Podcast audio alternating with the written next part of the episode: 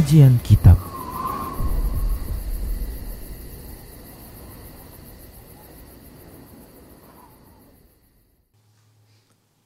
Bismillah, Assalamualaikum warahmatullahi wabarakatuh. Innal hamdalillah nahmaduhu wa nasta'inuhu wa nastaghfiruh wa na'udzu billahi min shururi anfusina wa min sayyiati a'malina. Man yahdihillah fala mudilla lah wa man yudlilhu fala hadiya lah wa ashhadu an la ilaha illallah wahdahu la syarika lah واشهد ان محمدا عبده ورسوله صلى الله عليه وسلم قال الله تبارك وتعالى يا ايها الذين امنوا اتقوا الله حق تقاته ولا تموتن الا وانتم مسلمون يا ايها الناس اتقوا ربكم الذي خلقكم من نفس واحده وخلق منها زوجها وبث منهما رجالا كثيرا ونساء. واتقوا الله الذي تساءلون به والأرحام. إن الله كان عليكم رقيبا. يا أيها الذين آمنوا اتقوا الله وقولوا قولا سديدا. يصلح لكم أعمالكم ويغفر لكم ذنوبكم. ومن يطع الله ورسوله فقد فاز فوزا عظيما. اما بعد فإن أصدق الحديث كتاب الله وخير الهدى هدى رسول الله صلى الله عليه وسلم وشر الأمور محدثاتها وكل محدثة بدعة وكل بدعة ضلالة وكل ضلالة في النار Para muslim, para hamba Allah rahimani wa rahimakumullah, kembali kita bersyukur kepada Allah Subhanahu wa taala yang masih senantiasa memberikan kenikmatan dan kebaikannya kepada kita. Selawat serta salam tak lupa kita ucapkan untuk nabinya Muhammad sallallahu alaihi wasallam. Semoga Allah Subhanahu wa taala meneguhkan kita di atas ketaatan kepada Allah dan Rasulnya. Para pemirsa Rosa TV dan para pendengar Radio Medan Mengaji di mana saja Anda berada, kita akan lanjutkan pembahasan kitab Minhajul Muslim dalam bab akidah dan kita memasuki pembahasan tentang wasilah yaitu jalan dan upaya yang bisa mendekatkan diri kepada Allah Subhanahu wa taala. Seorang mukmin, seorang muslim dia mengimani bahwa Allah Subhanahu wa taala mencintai amal-amal yang paling saleh. Seorang mukmin, seorang muslim mengimani bahwa Allah Subhanahu wa taala mencintai perbuatan-perbuatan yang baik. Dan Allah juga mencintai para hamba-hambanya yang saleh. Seorang mukmin meyakini bahwa Allah Subhanahu wa taala memotivasi para hambanya untuk mendekatkan diri kepada Allah Subhanahu wa taala dengan jalan-jalan dan cara yang diridhoi oleh Allah Subhanahu wa taala. Maka seorang mukmin dengan uh, dengan dasar tersebut maka dia pun mendekatkan dirinya kepada Allah Subhanahu wa taala. Bertawasul dengan amal-amal solehnya untuk bisa dekat dengan Allah Subhanahu wa taala. Dengan perkataan-perkataan yang baik, dengan perbuatan-perbuatan yang baik. Dan dia meminta kepada Allah Subhanahu wa taala dengan amal-amal solehnya. Ia meminta kepada Allah Subhanahu wa taala dengan nama-nama Allah Subhanahu wa taala dan sifat-sifatnya yang tinggi lagi mulia. Seorang mukmin maka dia berusaha mendekatkan diri kepada Allah Subhanahu wa taala dengan amal solehnya dan dia bertawassul kepada Allah Subhanahu wa taala dengan nama-nama yang maha indah dan sifat-sifat Allah yang maha tinggi lagi mulia. Dan dia mendekatkan diri kepada Allah Subhanahu wa taala dengan cara mengimani Allah Subhanahu wa taala. Mengimani rasulnya, mencintai Allah Subhanahu wa taala dan mencintai rasulnya. Mencintai orang-orang saleh dan seluruh orang-orang beriman maka dia mendekatkan diri kepada Allah Subhanahu wa taala dengan amal-amal yang telah Allah Subhanahu wa taala wajibkan kepada dirinya dalam Al-Qur'an maupun lewat lisan Rasulullah SAW dalam hadis-hadis yang sahih. Seperti dia mendekatkan diri kepada Allah dengan salatnya, dengan zakatnya, dengan puasanya, dengan amalan hajinya dan amalan-amalan kewajiban yang lainnya. Sebagaimana dia juga mendekatkan diri kepada Allah Subhanahu wa taala dengan amal-amal sunnahnya. Amal-amal sunnahnya. Ya. Begitu juga dia pun mendekatkan diri kepada Allah Subhanahu wa taala dengan meninggalkan apa saja yang diharamkan oleh Allah Subhanahu wa taala dan dilarang oleh Allah Subhanahu wa taala dalam Al-Qur'an maupun lewat lisan Rasulullah sallallahu alaihi wasallam. Seorang mukmin maka dia tidak akan meminta kepada Allah Subhanahu wa taala dengan kedudukan seorang pun dari makhluknya. Tidak juga dengan amalan seorang hamba dari hamba-hambanya. Karena kedudukan orang lain bukanlah hasil usaha dari dirinya dan amalan orang lain bukanlah amalannya maka dia meminta kepada Allah Subhanahu wa taala dengan amal-amal soleh yang dilakukannya bukan yang dilakukan oleh orang lain. Demikian para hamba Allah rahimani wa rahimakumullah. Allah Subhanahu wa taala tidaklah mensyariatkan kepada hambanya agar para hambanya mendekatkan diri kepada Allah Subhanahu wa taala dengan amalan-amalan selain mereka bukan dengan cara ya menjadikan kedudukan orang lain itu dijadikan sebagai usaha untuk mendekatkan diri kepada Allah Subhanahu wa taala. Dan bukan bukan juga dengan keimanan ya, dengan kedekatan orang lain ya kepada Allah lantas dengan itu dia mendekatkan diri kepada Allah Subhanahu wa taala. Namun Allah Subhanahu wa taala ya mensyariatkan untuk hambanya agar mereka mendekatkan diri kepada Allah Subhanahu wa taala dengan amal masing-masing mereka, dengan keimanan masing-masing mereka, ya. Dengan amal soleh masing-masing mereka. Demikian para hamba Allah rahimani warahmatullah. Bukan dengan amalan orang lain selain mereka. Berikut dalil kita akan sebutkan dalil-dalil dari Al-Qur'an, demikian pula hadis Nabi sallallahu alaihi wasallam yang menunjukkan tentang wasilah jalan yang dengannya para hamba bisa mendekatkan diri kepada Allah Subhanahu wa taala. Allah berfirman Allah mengkabarkan di dalam Al-Qur'an tentang hal tersebut. Dalam surah Fatir ayat 10 Allah mengatakan a'udzu billahi minasyaitonir rajim ilaihi yas'adul kalimut thayyibu wal amalus salihu yarfa'uh kepada Allah Subhanahu wa taala naik ungkapan yang baik dan amal yang soleh Allah naikkan kepadanya. Baik para hamba Allah rahimani wa ini dalil menunjukkan bahwasanya kalimat-kalimat yang baik dan amal-amal solehlah yang bisa diterima oleh Allah Subhanahu wa taala yang bisa diangkat kepada Allah Subhanahu wa taala. Yang dengannya maka akan terangkat pula, akan semakin dekat pula pelakunya, pemilik dari ungkapan yang baik tersebut dan amal soleh tersebut. Kemudian Allah Subhanahu wa taala berfirman di dalam surah Al-Mu'minun ayat 51. Allah mengatakan a'udzu billahi minasyaitonir rajim. Ya ayyuhar rusulu kulu min tayyiba minat tayyibati wa'malu salihah.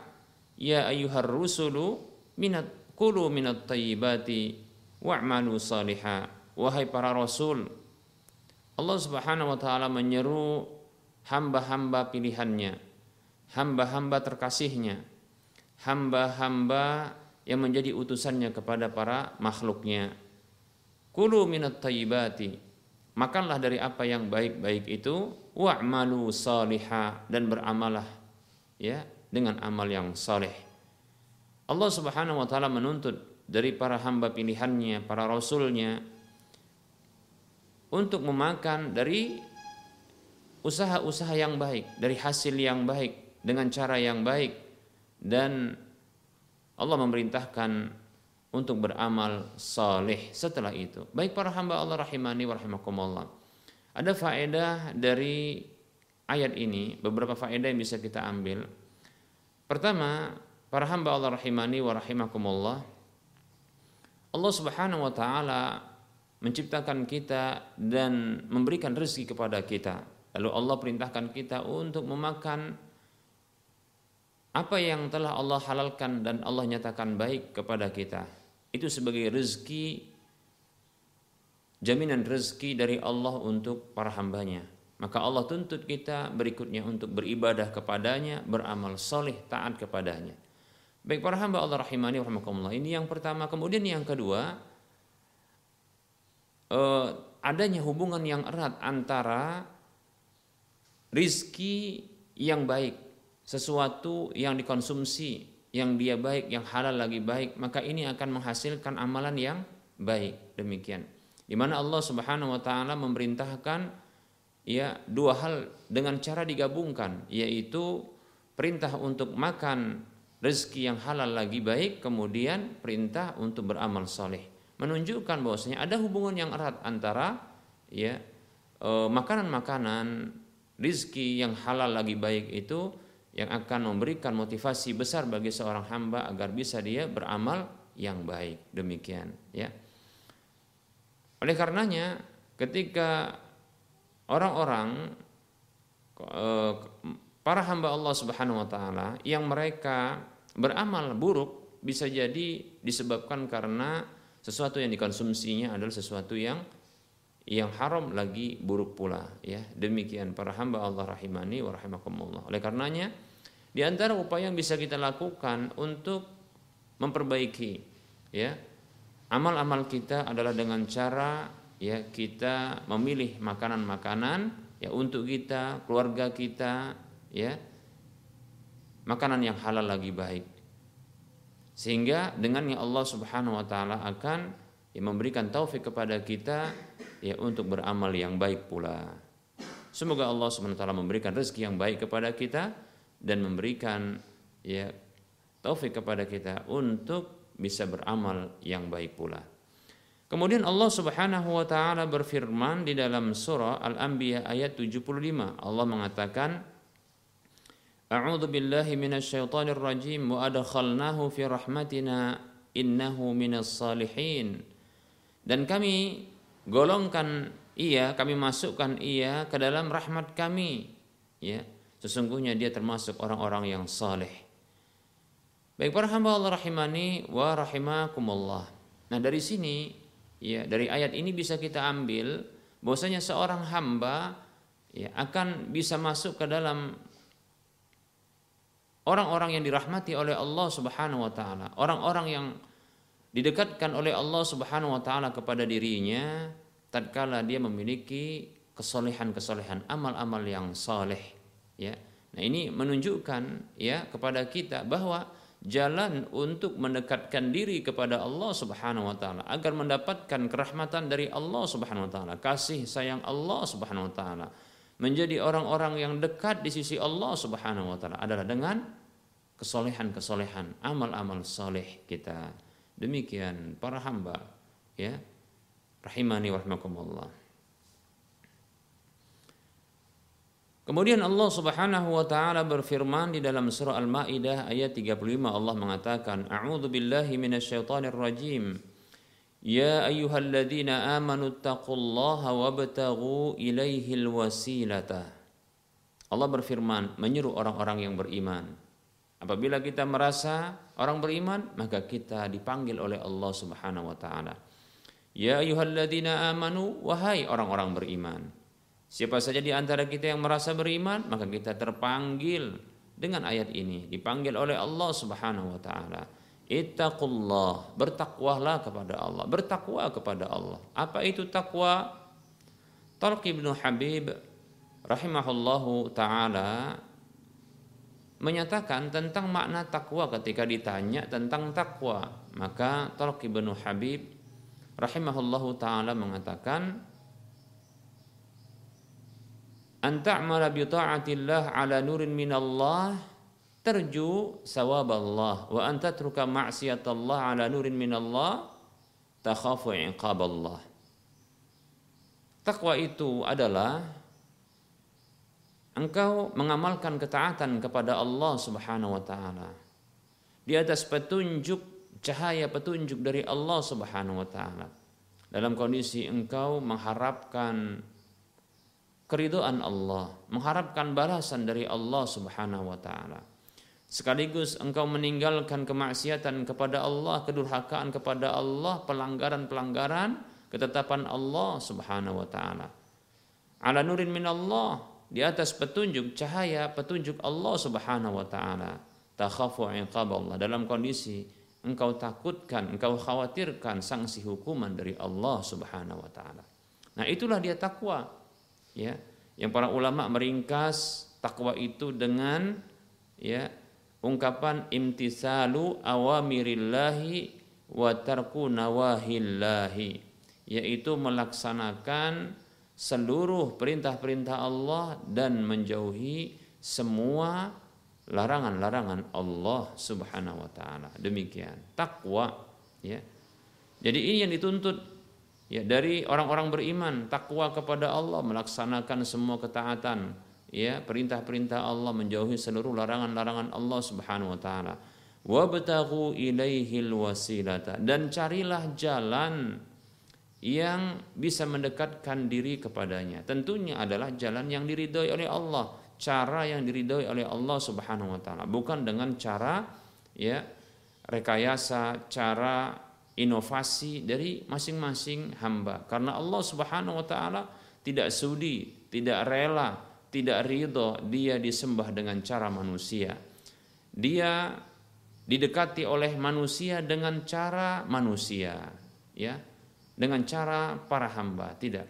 Ya Allah Subhanahu wa taala ya dia perintahkan para hamba untuk beribadah kepadanya, mendekatkan diri kepadanya dengan cara dan jalan yang Allah ridho dengannya.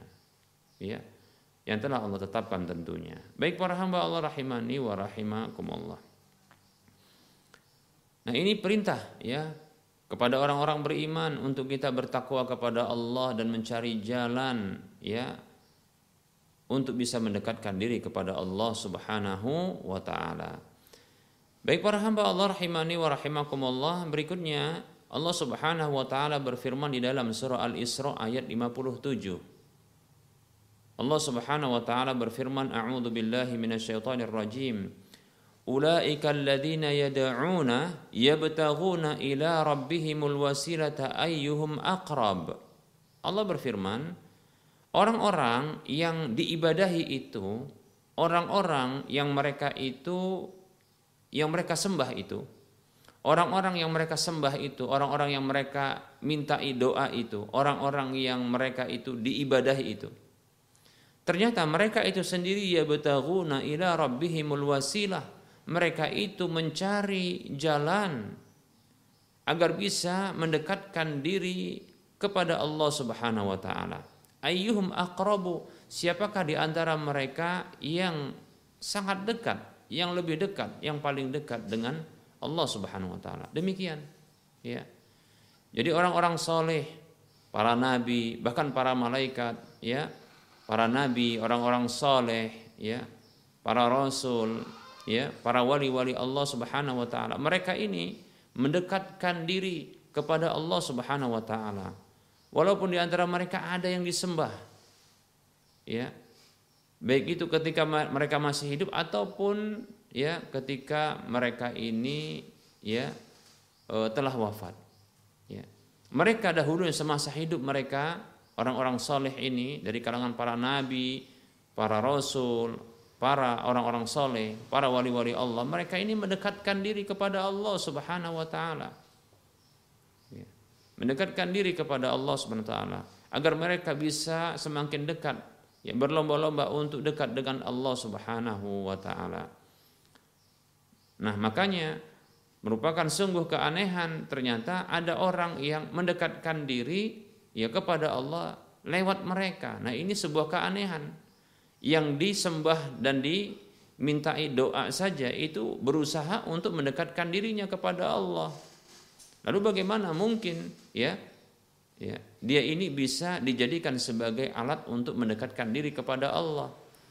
Perhatikan, kita ulangi, ini logika supaya ini bisa masuk ke dalam relung-relung hati ya, yang dengan itu kemudian menjadi pertimbangan, bahan pemikiran supaya jangan lagi menjadikan orang-orang soleh, jangan lagi menjadikan para wali itu dijadikan sebagai alat untuk mendekatkan diri kepada Allah karena hal tersebut tidak disyariatkan oleh Allah. Mengapa demikian? Allah sendiri yang mengkabarkan bahwasanya orang-orang yang disembah itu, orang-orang yang dimintai doa itu, ya, orang-orang yang diarahkan ya permintaan doa kepada mereka, mereka itu kata Allah, yabtaguna ila rabbihimul wasilah. Mereka itu sendiri mencari jalan untuk mendekatkan diri kepada Allah. Ayuhum akrabu siapa yang paling dekat dengan Allah di antara mereka. Lihat ya, seperti itu.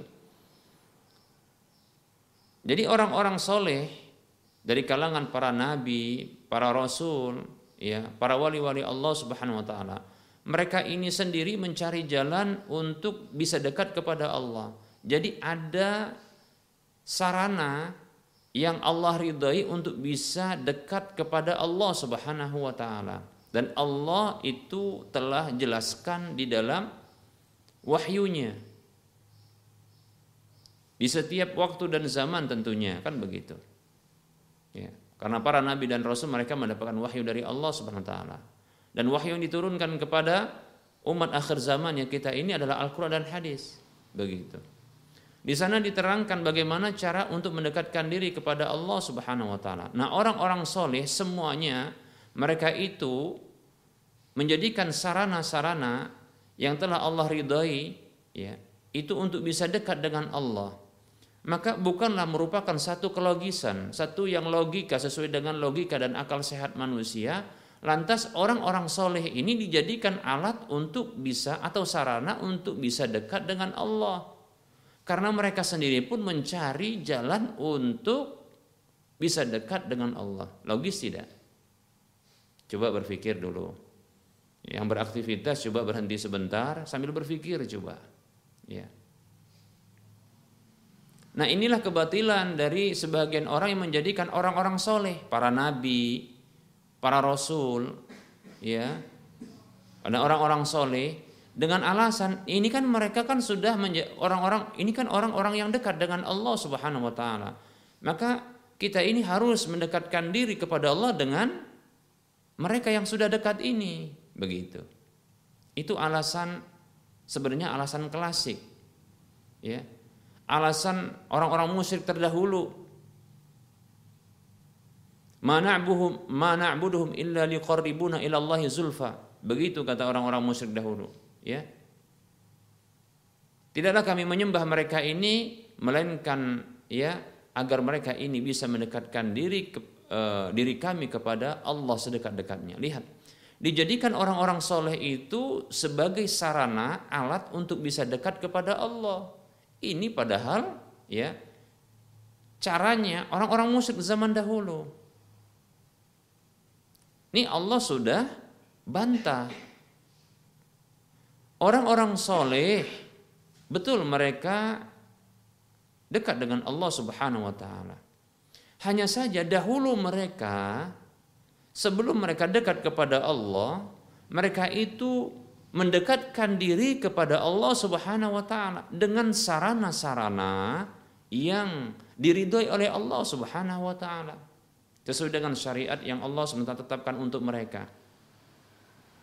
Dan syariat yang ditetapkan oleh Allah untuk umat kita maksudnya umat akhir zaman ini yaitu kita itu syariat yang telah ditetapkan ya oleh Allah kepada Nabi kita Muhammad SAW dan itu tertuang di dalam Al-Quran dan hadis Nabi SAW.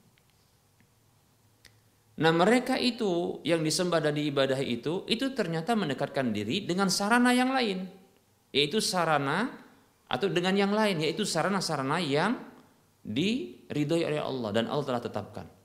Mestinya logikanya kita kalau mau dekat dengan Allah Subhanahu wa taala. Sebagaimana dekatnya para orang-orang soleh dari kalangan para nabi, para rasul, para wali-wali Allah tersebut, kita harus mengikuti jalan mereka dengan cara sarana-sarana yang telah Allah ridhoi untuk mereka dan saat ini untuk kita ya itu kita gunakan sarana itu untuk dekat kepada Allah. Bukan malah mereka yang sudah dekat. Ini dijadikan sarana.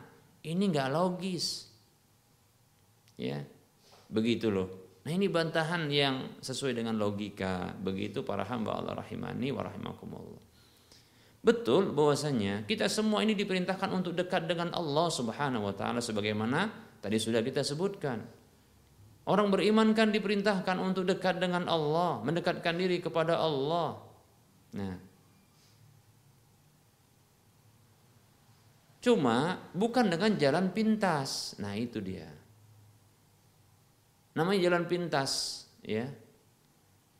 Jalan pintas ini ya biasanya pintas juga dia, cepat sesatnya. Baik para hamba Allah rahimani wa rahimakumullah. Dan ini tidak sesuai dengan logika apabila kita mendekatkan diri kepada Allah dengan orang-orang yang sudah dekat dengan Allah Subhanahu wa taala. Para nabi, para rasul dan orang-orang soleh. Tidak benar yang begitu. Nggak sesuai dengan logika. Ya. Coba pahami firman Allah ini yaitu surah Al-Isra ayat 58. Ya, pahami. Saya bacakan lagi. Mudah-mudahan ini jadi rukyah bagi orang-orang yang suka ya mendekatkan diri kepada Allah kepada dengan cara ya mendatangi kuburan para wali-wali yang dengan itu katanya bisa mendekatkan diri kepada Allah Subhanahu wa taala. Ya. Baik ya, para hamba Allah rahimani wa rahimakumullah. Saya bacakan firman Allah surah Al-Isra ayat 58, 57. Allah mengatakan a'udzu billahi minasyaitonir rajim ulaika alladzina yad'una yabtaghuna ila rabbihimul wasilata ayyuhum aqrabu. Mereka yang mereka yang mereka ini ya mereka yang disembah diarahkan doa permintaan kepada mereka ya yad'un ini maknanya bisa ya orang-orang yang mereka ini daun artinya mereka doa kepada orang-orang ini. Maksudnya doa minta kebutuhan kepada mereka ya. Kedekatan kepada Allah Subhanahu wa taala. Atau bisa juga maksudnya adalah beribadah kepada mereka. Mereka ini ternyata ia betagun mereka mencari ina rabbihimul wasilata. Mencari wasilah itu jalan yang bisa mendekatkan diri kepada Allah ayyuhum aqrabu yang dengan itu dia akan menjadi orang yang paling dekat ya dengan Allah Subhanahu wa taala. Perhatikan ini, ya. Jadi mendekatkan diri kepada Allah Subhanahu wa taala ya, lewat orang-orang soleh bukanlah dengan cara menjadikan orang-orang soleh ini diibadahi, dimintai, Didekatkan kita dengan beribadah kepada mereka. Atau kita beribadah di sisi mereka. Bukan. Akan tetapi sarana-sarana yang dahulu mereka pernah tempuh untuk mendekatkan diri kepada Allah itu yang kita lakukan. Begitu.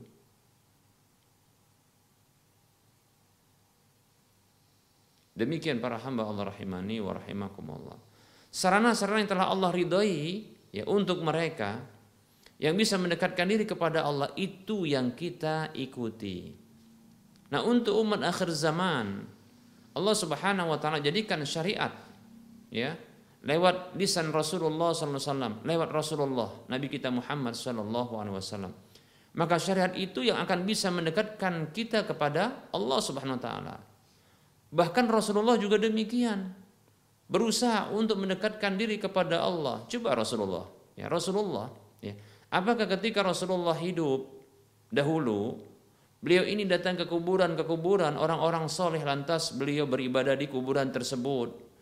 Ya, Bukankah sangat mungkin bagi Rasulullah untuk bertanya kepada malaikat Jibril atau kepada Allah langsung di manakah kuburan Abul Anbiya? Kuburannya para uh, kuburannya bapaknya para nabi dan rasul itu, penghulunya para nabi dan rasul. Siapa itu? Nabi Ibrahim. Sangat mungkin, sangat bisa. Lawang Nabi kita Muhammad SAW saja itu bisa ya ke langit kan begitu. Isra Mi'raj Demikian ya. Sangat mungkin, tapi beliau tidak lakukan. Kenapa? Kenapa? Karena bukan begitu caranya. Mendekatkan diri kepada Allah Subhanahu wa taala bukan dengan mendekatkan diri kepada orang-orang soleh pada kuburan-kuburan mereka, di kuburan-kuburan mereka, bukan. Bahkan yang ada Nabi kita Muhammad sallallahu alaihi wasallam memperingatkan ya, memperingatkan umatnya dari beribadah di dekat kuburan. Rasulullah mengatakan sallallahu alaihi wasallam la'anallah al-yahuda ittakhadhu qubur anbiya'ihim masajida. Ya.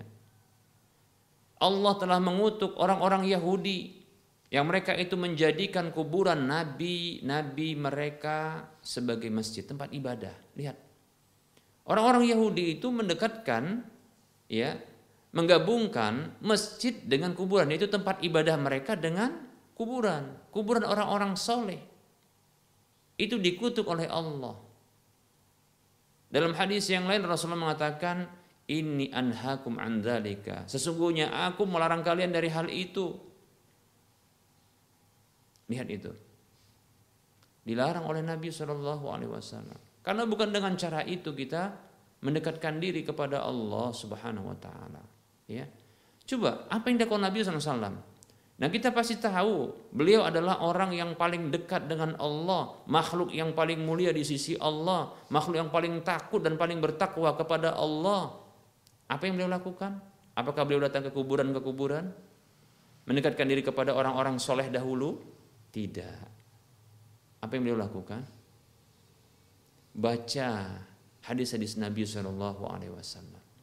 Ya, beliau sholat, sholat di masjid, ya, mengingatkan manusia kepada ya Allah Subhanahu Wa Taala agar beribadah kepada Allah, agar meninggalkan larangan-larangan Allah.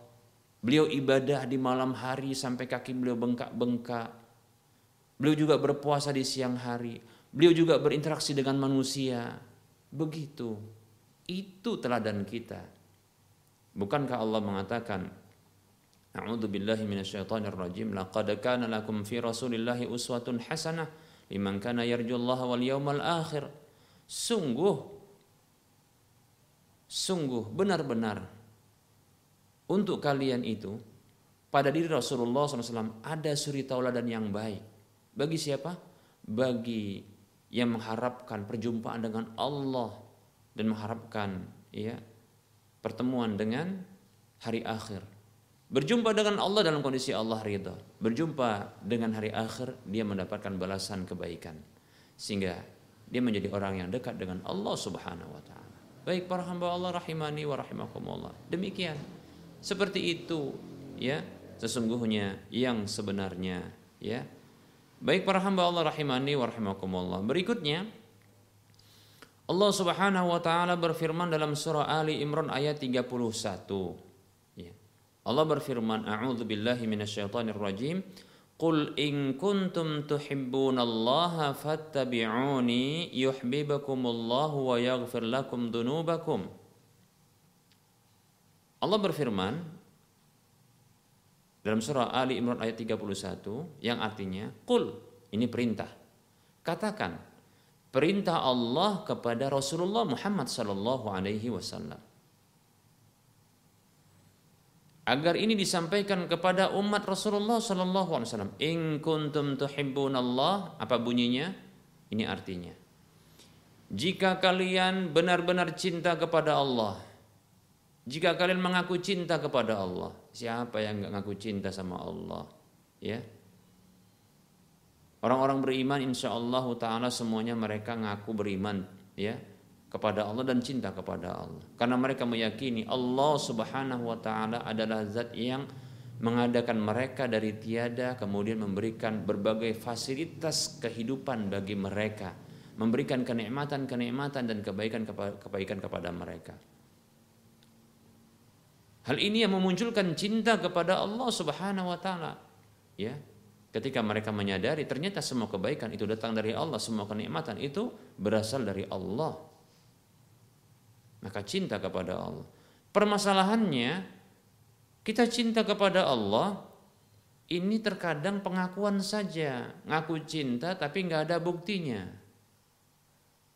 Tahu nggak bahwasanya cinta kalau nggak dibuktikan, apalagi memang tak bisa dibuktikan karena memang tak cinta itu pengakuan saja. Kata orang sekarang, itu cinta gombal.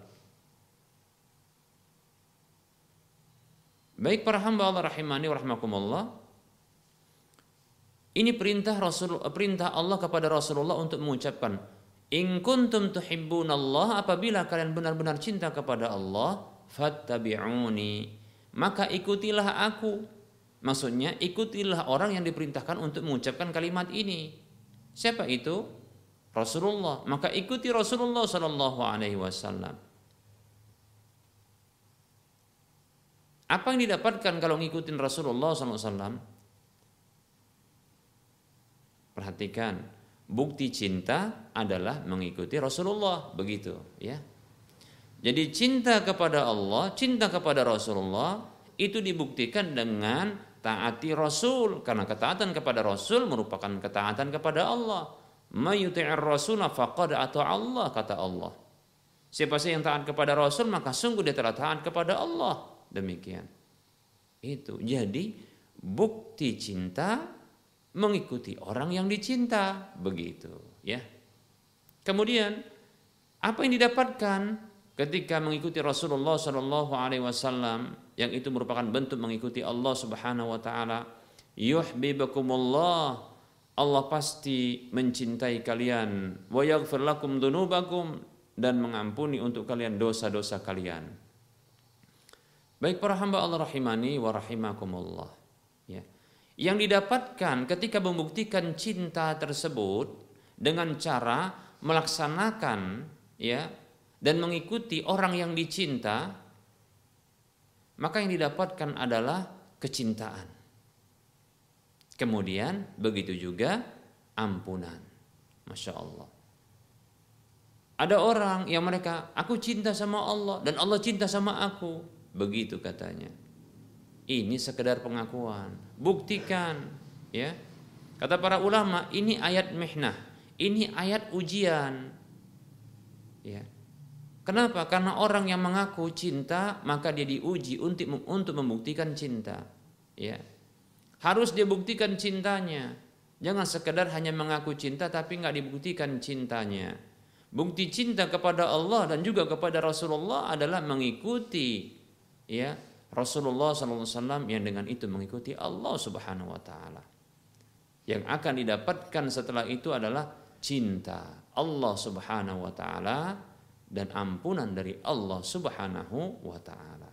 Begitu para hamba Allah rahimani wa rahimah Kumullah. Ya. Nah sekarang tinggal kita lihat saja benarkah ya orang-orang yang mereka mengaku cinta kepada Allah dan cinta kepada Rasulullah demikian ya. Tinggal kita lihat saja karena ternyata ada standarisasi cinta itu. Dan itu ada bukti ya. Jangan has, jangan hanya asal bunyi saja, asal bunyi saja. Maksudnya asal nyeplos. Oh, aku cinta. Aku cinta kepada Allah, aku cinta kepada Rasulullah. Ya. Baik para hamba Allah rahimani wa rahimakumullah.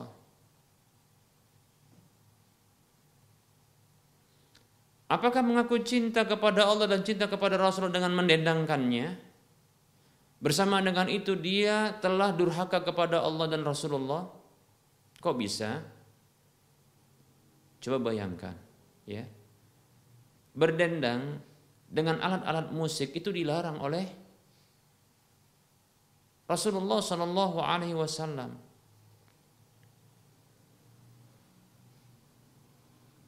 Kata Nabi Shallallahu Alaihi Wasallam,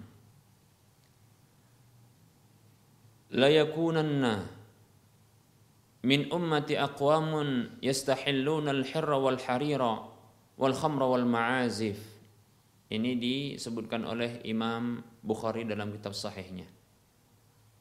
Kata Nabi SAW, sungguh benar-benar akan ada dari umatku ini kelompok-kelompok orang-orang yang mereka itu menghalalkan kemaluan dan sutra bagi laki-laki serta menghalalkan khamr minuman keras begitu juga alat-alat musik. Lihat ya. Alat-alat musik itu diharamkan. Ma'azif itu alat-alat musik. Demikian dikecualikan itu dalam dua kondisi saja berdasarkan hadis-hadis yang sahih. Itu ketika walimahan itu pesta pernikahan begitu juga hari raya. Itu saja. Dan itu pun dibatasi dengan syarat-syaratnya ya. Alat musiknya hanya duf saja rebana ya. Kemudian yang melakukannya itu adalah wanita-wanita anak kecil maksudnya anak-anak kecil ya yang berjenis kelamin wanita demikian. Seperti itu. Dan dendangannya adalah dendangan, maksudnya liriknya adalah lirik yang tidak mengandung kesyirikan, kekufuran, kemesuman, ya, dan kemaksiatan yang lainnya. Demikian. Nah ini kita dapatkan Masya Allah orang mengaku cinta dengan alat musik yang luar biasa. Ya. Demikian. Ya. Maka ini tidak tepat. Ngaku cinta tapi bersamaan itu kok durhaka. Nah sekarang begini saja. Logikanya begini. Ada orang ngaku cinta kepada kita. Lalu ternyata tatkala kita memperlakukan aturan-aturan orang yang ngaku cinta tadi, dia melanggar aturan kita. Kira-kira benar nggak cintanya? Ini logika. Nggak benar itu cinta. Kalau dia cinta, itu ditaati, dipatuhi. Orang yang ngaku cinta maka dia mencintai orang yang dicintai dan mencintai apa saja yang dicintai oleh orang yang dicintai. Ya. Mengaku orang yang ngaku cinta kepada orang tertentu maka dia akan mencintai ya. Apa dan siapa saja yang dicintai oleh orang yang dia cintai. Begitu. Maka aturan-aturan ini dicintai dan orang-orang yang mencintai orang tersebut maka dia pun ikut mencintai. Begitu.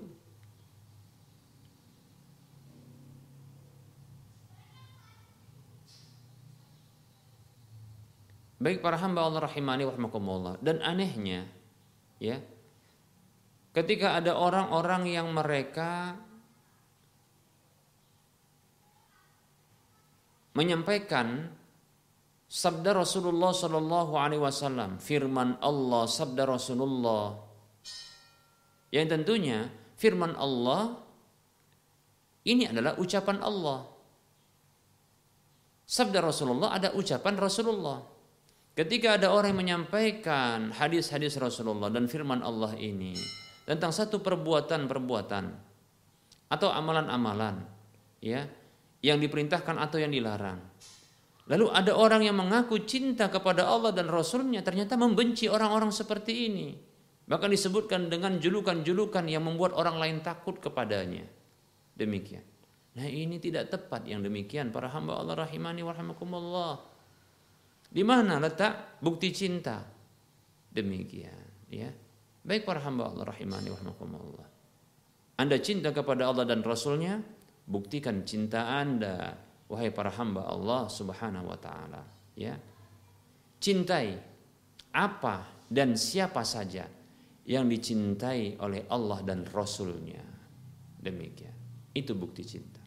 Sungguh saya sampaikan ini ya mudah-mudahan ini dikarenakan saya cinta ya kepada saudara-saudara seiman yang Allah cinta dengan orang-orang beriman. Demikian ya Dan ini agar kita sama-sama bisa mendekatkan diri kepada Allah Subhanahu wa taala dengan apa saja yang telah diridhoi oleh Allah Subhanahu wa taala untuk kita, ya. Tapi dengan caranya Allah bukan dengan caranya kita, ya. Dan itu tertuang di dalam Al-Qur'an, Kitabullah dan apa yang telah disampaikan lewat lisan Rasulullah sallallahu alaihi wasallam. Barangkali ini materi yang bisa kita sampaikan pada pertemuan kali ini. Insya Allah Ta'ala kita akan lanjutkan pada waktu mendatang. Dan kita masuki sesi soal jawab bagi para pemirsa yang ingin berinteraksi langsung maka silahkan hubungi nomor layanan kami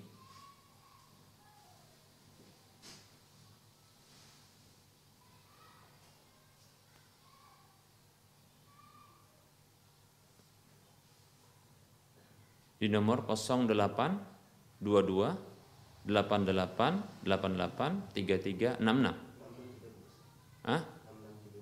6630 ya. Baik, silahkan bagi yang ingin berinteraksi Silahkan.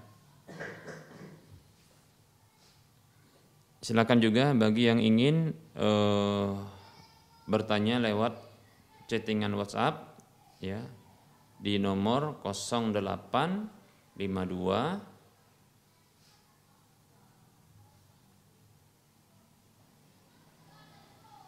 empat satu enam satu empat enam satu sembilan puluh empat satu tujuh tujuh ya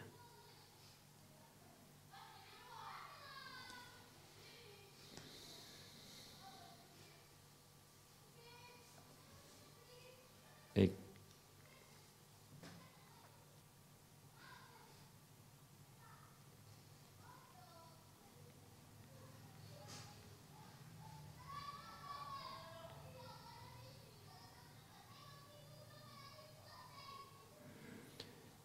Ada pertanyaan kita masuki ya sesi soal jawab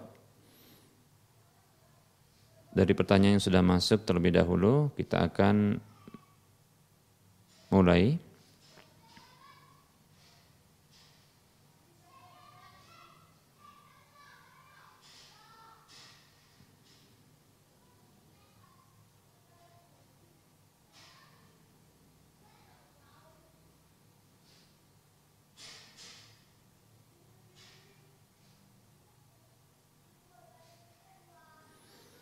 Ada pertanyaan Assalamualaikum.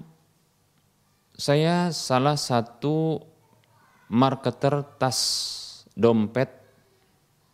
Lalu ada promo jual beli dompet 100 ribu. Harga normal 130 ribu. Berlaku hanya dua hari. Berlaku dua hari lagi. Maksudnya dua hari ya. Ada ongkos kirim. Lalu ada teman saya yang pesan saya langsung keep ya ke owner. Maksudnya adalah uh, jaga ini apa namanya barang yang dipesannya. Saya berikan nomor rekening owner ke teman saya itu untuk dia transfer. Pilihan lainnya saya transfer dulu pakai uang saya. Setelah barang yang dipesan berupa dompet itu datang, konsumen datang mengambil ke tempat saya.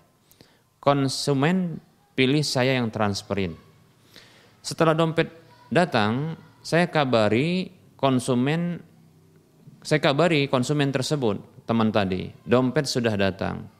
Saya kasih waktu tiga hari batas pengambilannya.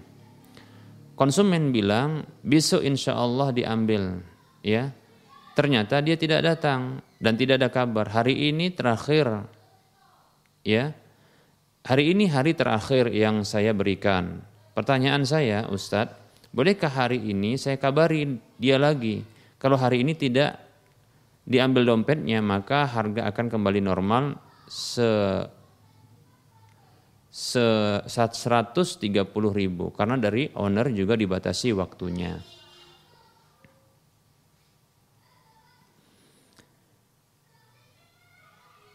Baik ya. Nah.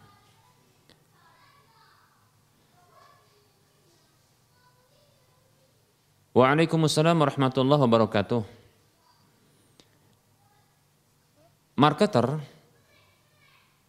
dalam pemahaman saya adalah sebenarnya agen, ya. Dia agen.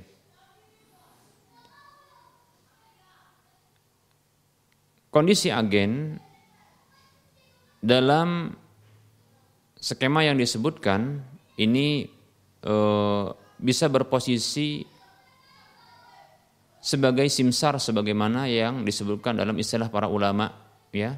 Simsar. Dalam ulama fikih simsar yaitu agen. Adapun akadnya keagenan ya akad keagenan. Samsaroh baik ya. E, untuk kasus yang ditanyakan ini ya Sesungguhnya barang yang tidak langsung kepada konsumen yang dia mengendap ya atau kita katakan sampai kepada sang e, marketer atau agen tersebut maka ini sesungguhnya belum berpindah kepemilikannya kepada ya kepada sang konsumen ya. Baik itu dibayarkan lebih dahulu atau apa namanya eh, tidak dibayarkan lebih dahulu ya. Maksudnya oleh konsumen ya kalau barang tersebut mengendap atau sampai kepada agen tersebut sementara sang konsumen ini tidak memberikan apa pun maka kita katakan tetap saja ya agen ini sebagai perwakilan dari pemilik barang ya bukan perwakilan dari konsumen ya. Sehingga belum ada akad apa pun ya. Belum ada akad akad apa pun. Sehingga eh, kesepakatan atau kita katakan eh, deal harga ya yang tadinya 100 ribu menjadi 130 ya yang tadinya 103 eh, 100 ya karena itu berbatas waktu sekitar dua hari kemudian menjadi 130 apabila berlalu maka ini dibolehkan insya Allah taala ya karena tidak mengikat Bahkan tidak boleh untuk mengikat ya. Karena belum terjadi jual beli apa pun disebabkan ya sang e, konsumen belum mengirimkan uang atau mentransfer uang. Kalau seandainya konsumen telah mentransfer uang, maka itu sudah terjadi ya. Sudah terjadi e, akad jual belinya sehingga ya harga itu sesuai dengan harga yang sebelumnya ya walaupun barang belum diterimanya. Ya, walaupun barang belum diterimanya, namun ketika dia telah mentransfer, yaitu konsumen telah mentransfer uang tersebut, ya maka barang itu adalah barang miliknya, walaupun dia belum menerimanya. Hanya saja eh, menjadi masih masih dalam tanggungan dari eh, pemilik barang atau penjualnya demikian, karena dia belum menerimanya. Apabila diwakilkan kepada agen, maka tentunya di sini agen sebagai wakil dari sang konsumen demikian. Permasalahannya tadi adalah ya eh, agen ini yang diminta untuk mentransfer, ya agen yang diminta untuk mentransfer, ya. Kemudian barang sudah diterima, Permasalahannya si agen ini, ini kesulitannya ya, eh, yang sepertinya eh, ini kerancuan ya. Agen ini dia menjadi perwakilan dari pemilik barang penjual ataukah perwakilan menjadi eh, dari konsumen. Nah ini masalahnya. Kalau saya pribadi ya, ya ini adalah sesungguhnya masih wakil dari sang pemilik barang atau penjual. Bahkan ketika sang eh, agen ini mentransfer uangnya pribadi ya kepada sang penjual lantas barang itu sampai kepada dirinya itu bisa jadi adalah ya barang milik agen. Dalam hal ini bahkan dia bukan lagi menjadi agen tapi menjadi pemilik barang. Sehingga dia boleh untuk menetapkan harga ya yang baru ya atau mengikuti ketetapan dari pemilik barang atau penjual. Bila dia memiliki ya uh, waktu promo dan sudah berakhir promonya maka boleh dia berlakukan harga berikutnya. Dengan syarat ya sang konsumen itu belum memberikan uangnya ya seperti itu. Ya. karena ini tidak mengikat. Wallahu taala alam ya seperti itu. Jadi eh, kesimpulan dari penjelasan saya ya dibolehkan dibolehkan bagi sang agen marketer tadi marketer marketer ya untuk dia eh, memberikan penjelasan kepada calon konsumen tersebut untuk menaikkan harga apabila tidak diambil ya seperti itu. Boleh ya insya Allah taala. Sebenarnya ya eh, sisi atau hal yang membuat dia pembedanya di sini adalah siapa yang menanggung jawabi barang tersebut apabila barang tersebut hilang atau rusak ketika sampai di tangannya eh, sang agen tersebut Apakah yang menanggung jawab adalah sang konsumen? Kalau yang menanggung jawab sang konsumen, ya, kalau yang menanggung jawab sang konsumen, ya,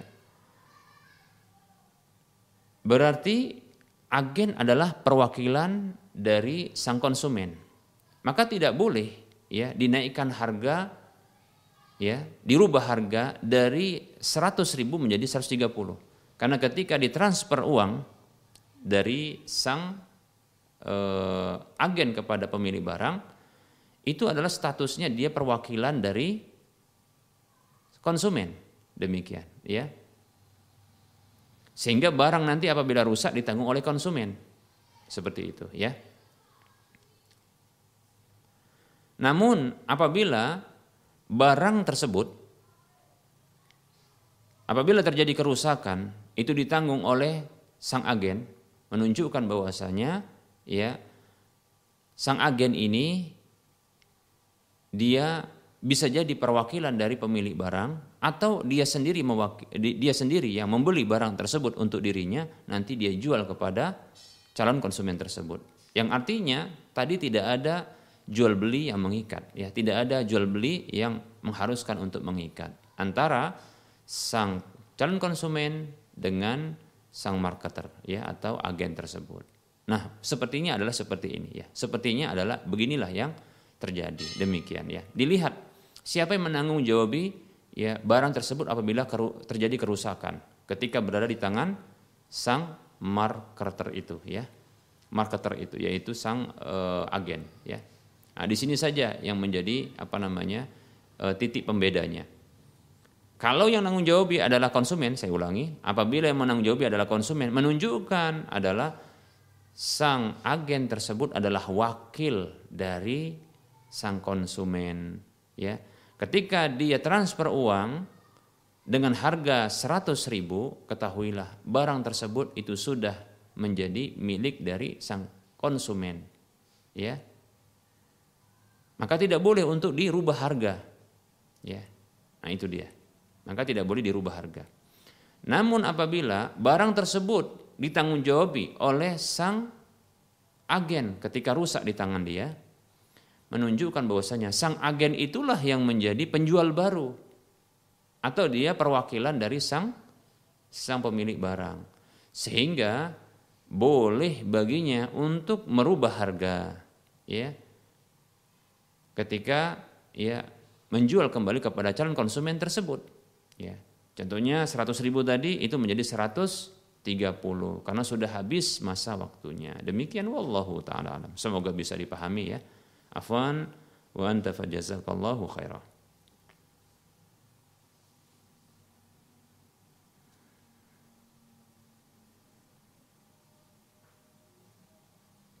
Ada pertanyaan Assalamualaikum Ustadz Bismillah mohon maaf Ustaz, mau tanya persoalan hutang piutang orang tua saya yang sudah meninggal.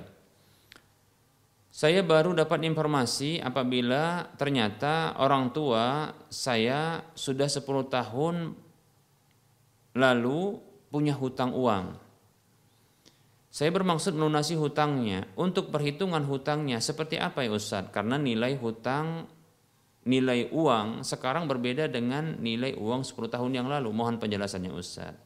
Ya, terima kasih.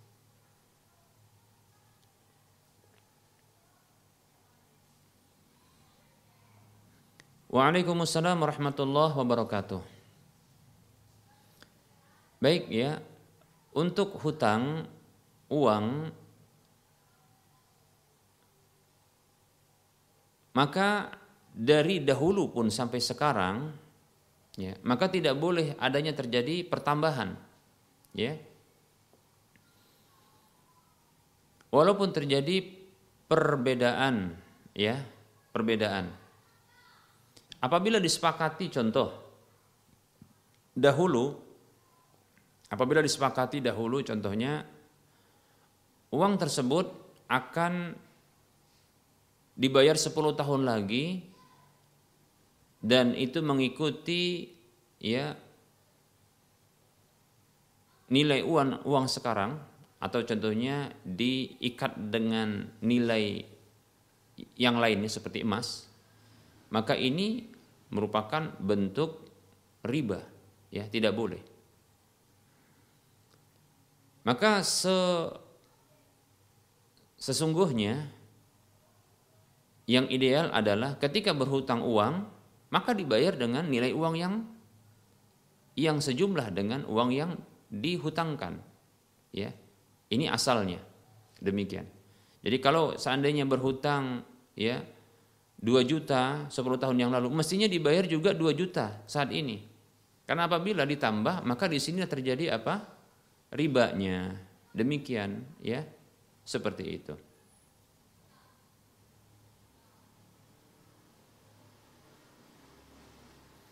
Apabila hendak dibayar dengan saat ini karena tidak ada kesepakatan dahulu, saat ini ingin dibayar dengan dengan emas contohnya. Boleh tidak? Maka boleh, tapi dengan harga sekarang.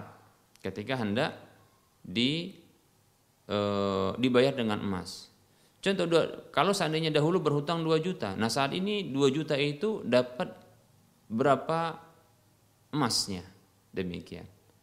Dapat sekitar kurang lebih 2 sekian gram emas. Ya itu, seperti itu. Demikian. Baik para hamba Allah rahimani wa rahimakumullah. Nah, ini eh, pendapat yang lebih hati-hati ya. Wallahu taala a'lam ya. Demikian seperti itu.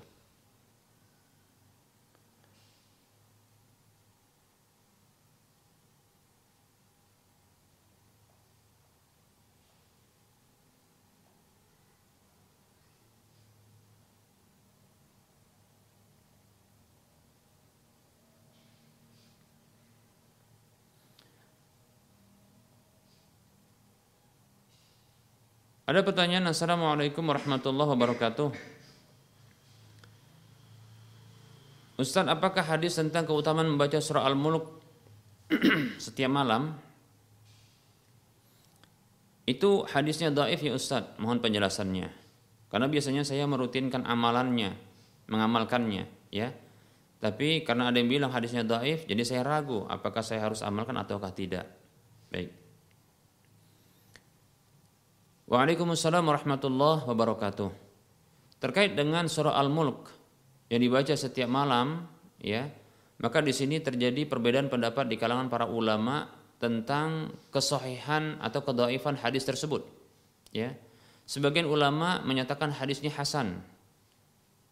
Ya hadis hasan termasuk bagian dari hadis yang daif uh, hadis hadis yang sahih ya sehingga bisa diamalkan sebagian ulama yang lain menyatakan hadisnya daif sehingga tidak bisa diamalkan. Demikian ya.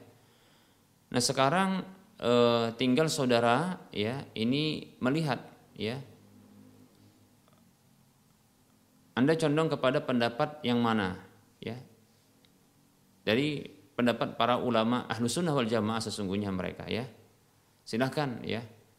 Maka perbedaan pendapat ini ya ini termasuk yang perbedaan pendapat yang bisa ditoleransi dan kita wajib berlapang dada ya di dalamnya saya pribadi wallahu taala alam ya condong kepada pendapat yang menghasankan ya hadis ini.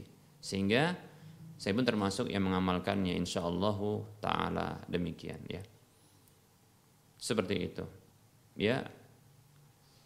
Adapun yang menyatakan hadisnya dhaif maka ya tentunya tidak boleh baginya untuk mengamalkannya. Demikian. Seperti itu. Jadi ada perbedaan pendapat, ya, perbedaan pendapat. Maka kita berlapang dada. Hanya saja kita memilih pendapat yang paling dekat dengan kebenaran tentunya, ya. Seperti itu. Nah, kalau bingung mana yang paling benar Ustadz, maka tinggal lihat, ya.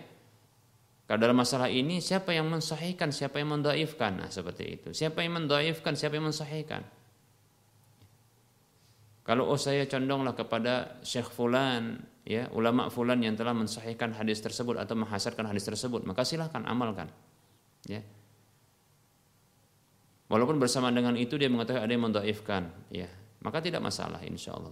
Bagi yang menyatakan ini ini hadis ini daif, saya tidak mau mengamalkan, maka tidak masalah insya Allah. Ya, tapi mari kita berlapang dada ya dalam perbedaan yang bisa ditoleransi ini. Wallahu taala a'lam.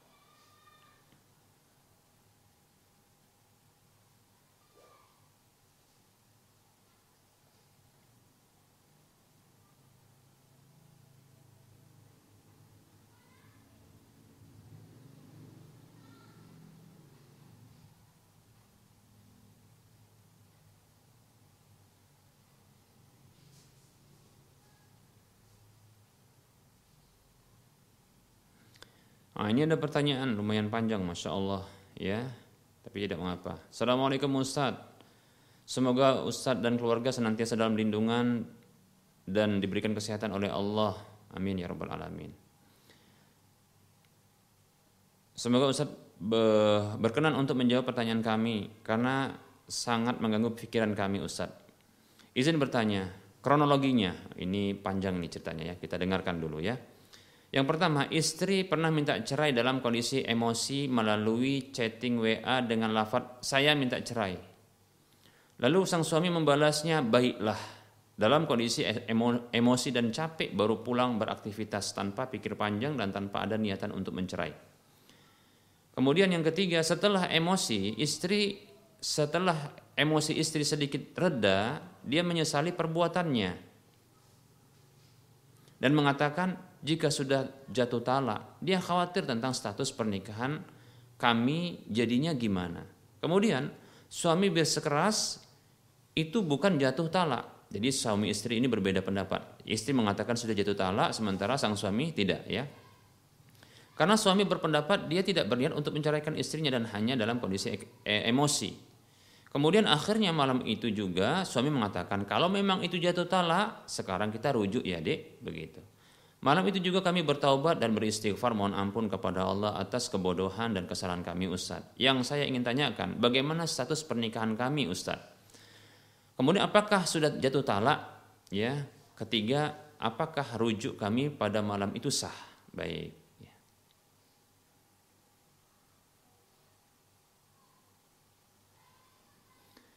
Waalaikumsalam warahmatullahi wabarakatuh. Semoga Allah Subhanahu wa taala juga memberikan kebaikan, perlindungan dan kesehatan ya kepada sang penanya beserta dengan keluarga dan semoga kita ya diberikan oleh Allah Subhanahu wa taala rumah tangga, anugerah berupa rumah tangga yang sakinah mawaddah warahmah. Amin ya rabbal alamin ya. Baik, dari kasus yang ditanyakan ini, apakah status pernikahan kami Ustaz? Ya masih suami istri. Ya, status pernikahannya masih suami istri insya Allah taala. Pertanyaan yang kedua, apakah sudah jatuh talak? Jawabannya tidak. Kenapa? Karena sang suamilah yang berhak untuk menjatuhkan talak, bukan istri. Adapun istri yang minta cerai, maka itu dosa. Ya, kata Nabi SAW, ay ayyuma imra'atin sa'alat min zawjiha at-talaqa min ghairi ma ba'sin faharamun 'alaiha raihatul jannah. Ini harus tobat ini sang istri tersebut.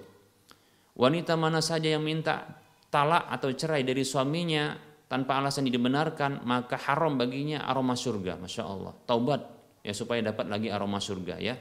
Taubat ini hadis riwayat Ibnu Majah dan yang lainnya. Maka taubat ya. Jadi istri tidak berhak untuk mentalak. Kalau minta talak bukan lantas jatuh. Kalimat baiklah ini bukanlah ungkapan talak. Ini persetujuan atas permintaan istri.